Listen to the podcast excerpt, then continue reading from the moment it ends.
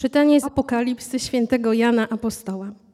Świątynia Boga w niebie się otwarła i arka Jego przymierza ukazała się w Jego świątyni. Potem wielki znak ukazał się na niebie.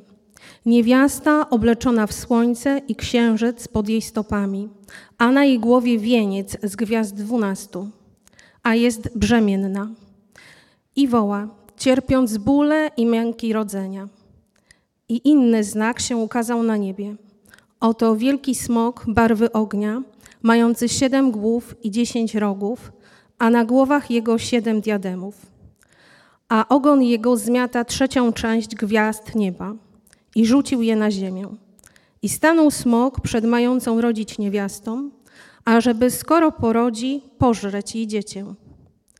I porodziła syna, mężczyznę, który wszystkie narody będzie pasł rózgą żelazną i zostało uniesione jej dziecię do Boga i do Jego tronu.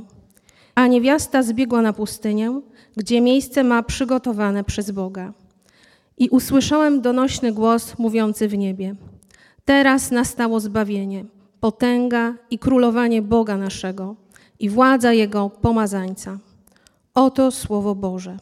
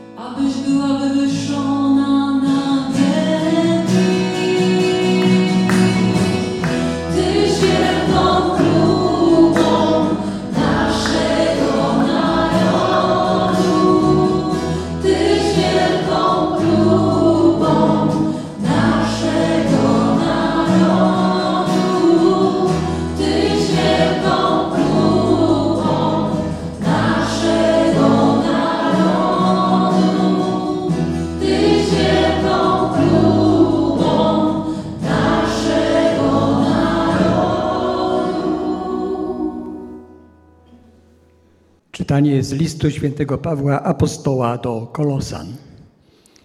Bracia, dziękujcie Ojcu, który was uzdolnił do uczestnictwa w dziale świętych i w światłości. On to uwolnił nas spod władzy ciemności i przeniósł do królestwa swego umiłowanego Syna, w którym mamy odkupienie, odpuszczenie grzechów. On jest obrazem Boga niewidzialnego, pierworodnym wobec każdego stworzenia, bo w nim zostało wszystko stworzone, i to, co w niebiosach, i to, co na ziemi, byty widzialne i niewidzialne, czy to trony, czy panowania, czy zwierzchności, czy władze. Wszystko przez Niego i dla Niego zostało stworzone. Oto Słowo Boże.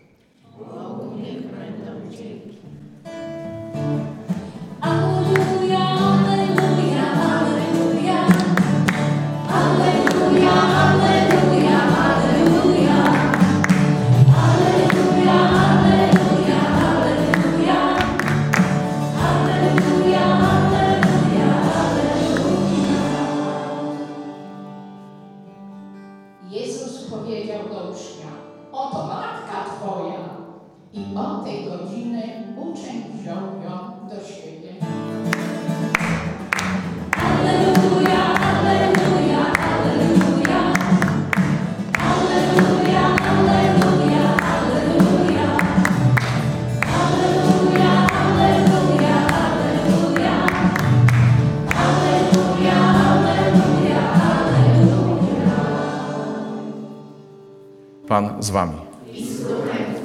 Słowo Ewangelii według świętego Jana. Obok krzyża Jezusowego stały matka jego i siostra matki jego, Maria, żona Kleofasa i Maria Magdalena. Kiedy więc Jezus ujrzał matkę i stojącego obok niej ucznia, którego miłował, rzekł do matki: Niewiasto, oto syn twój. Następnie rzekł do ucznia: Oto matka twoja. I od tej godziny uczeń wziął ją do siebie. Oto słowo Pańskie. No to y, najpierw rozbroimy to, co mamy rozbroić. Powiedziałem na początku o rozbrajaniu bomb, dlatego że ta dzisiejsza uroczystość y, przez jednych y, bywa czczona y, bardziej niż Wielkanoc, a przez innych bywa odrzucana jako anachronizm i jako e, coś, co współczesne chrześcijaństwo już dzisiaj, z czym współczesne chrześcijaństwo nie bardzo ma e, cokolwiek wspólnego i tak dalej. Są tacy, którzy po prostu e, nie, nie potrafią tego udźwignąć. Więc dlatego warto parę rzeczy rozbroić, żeby zobaczyć to, co tak naprawdę jest treścią tej uroczystości. Nawiasem mówiąc, nie wiem czy wiecie, e, ale pierwsze takie e, impulsy do tego, żeby e, Maryja była w ten sposób czczona, wcale nie pochodzą z Polski. Tak, pochodzą z Włoch. Taki gość Giulio Marcinelli chyba się nazywał, jezuita. W 1608 roku miał objawienie i Matka Boża się go pyta, a czemu mnie nie nazywasz królową Polski? Tam jest tylu, co mnie tak czczą. E, No, łaska buduje na naturze. Ten gościu był w, e, trochę wcześniej, tam jakieś niecałe 20 lat wcześniej w Polsce, coś tam robił w Krakowie, kogoś wychowywał i tak dalej, i tak dalej. Ale po takim czasie miał takie proroctwo, czy takie objawienie między nami charyzmatykami. Moglibyśmy sobie powiedzieć, być może Pan po prostu mówił, czy tam Matka Boża mówiła mu to w sercu jako proroctwo, kto to wie. No ale w każdym razie m, później były jeszcze inne kwestie, do tego się dołączyły. Oczywiście e, zwycięstwo nad Szwedami i tak dalej, i tak dalej. e, Ogłoszenie Matki Bożej Królową Korony Polskiej, to się wszystko rozwijało. Nie będę wam teraz tej historii opowiadał, bo to y, myślę, to każdy sobie może znaleźć. Ale chodzi mi o to, żebyście rozumieli, że y, to nawet nie jest, y, to nawet impuls nie wyszedł z Polski. Impuls nie wyszedł wcale z Polski. Owszem, kontekst historyczny jak najbardziej później to uzasadnił, y, dał podstawy i tak dalej. No ale dobra, y, z tą bombą. Najpierw o narodzie bym chciał powiedzieć. E, Nie wiem, czy słyszeliście tak, taką definicję albo taką e, próbę e, określenia narodu jako wspólnotę planu Bożego. Słyszeliście coś takiego? Wspólnota planu Bożego? Nie mogliście słyszeć, bo ja to wymyśliłem dzisiaj rano. E, e, Myśląc o tym, że naród, naród wybrany, no, Polska Mesjaszem narodu i tak dalej, tak dalej. Nie, nie, nie.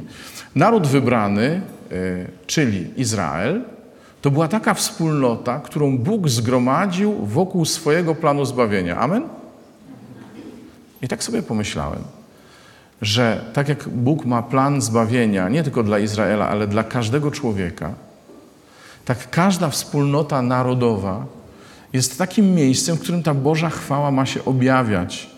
Bo to są ludzie, którzy mają się troszczyć o siebie, którzy mają się nawzajem wspierać, tak jak rodzina się ma wspierać, tak jak wspólnota e, ma siebie nawzajem wspierać, budować się nawzajem, budować relacje, jak to ma być w Kościele. Podobnie w narodzie, bo Bóg stworzył człowieka wspólnotą od początku. Amen?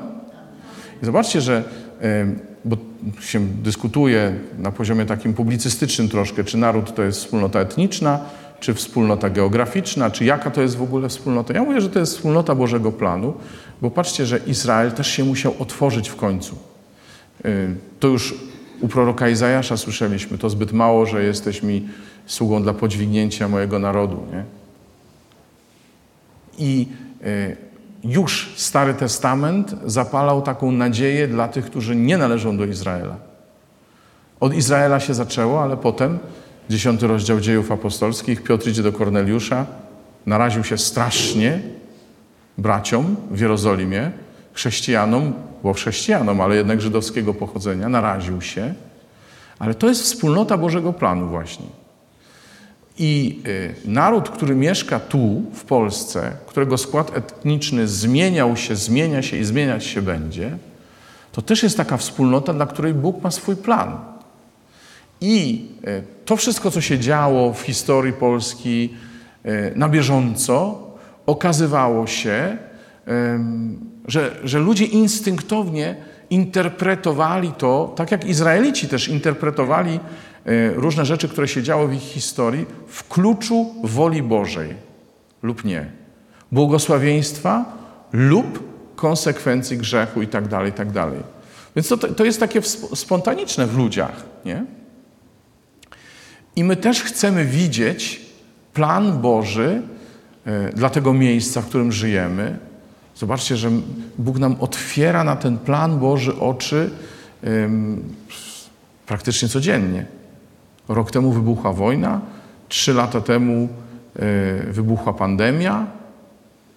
I Bóg coś nam pokazuje, jakieś plany swoje, albo, albo profetycznie pewne rzeczy pokazuje na przyszłość. I w tym wszystkim my jesteśmy narodem razem. Wierzący, niewierzący. Bóg ma swoje plany dla tego narodu. Naród. Ojczyzna. Takie słowo, które dla wielu organizuje emocje społeczne. Takie słowo, które, e, którym się ludzie posługują, no, czasami, e, żeby uwznioślić sytuację. Ojczyzna nasza. Nie? a czasami, żeby wokół tego słowa zorganizować ludzi i poprowadzić ich za przeproszeniem do wyborów. A? Też się tym posługują.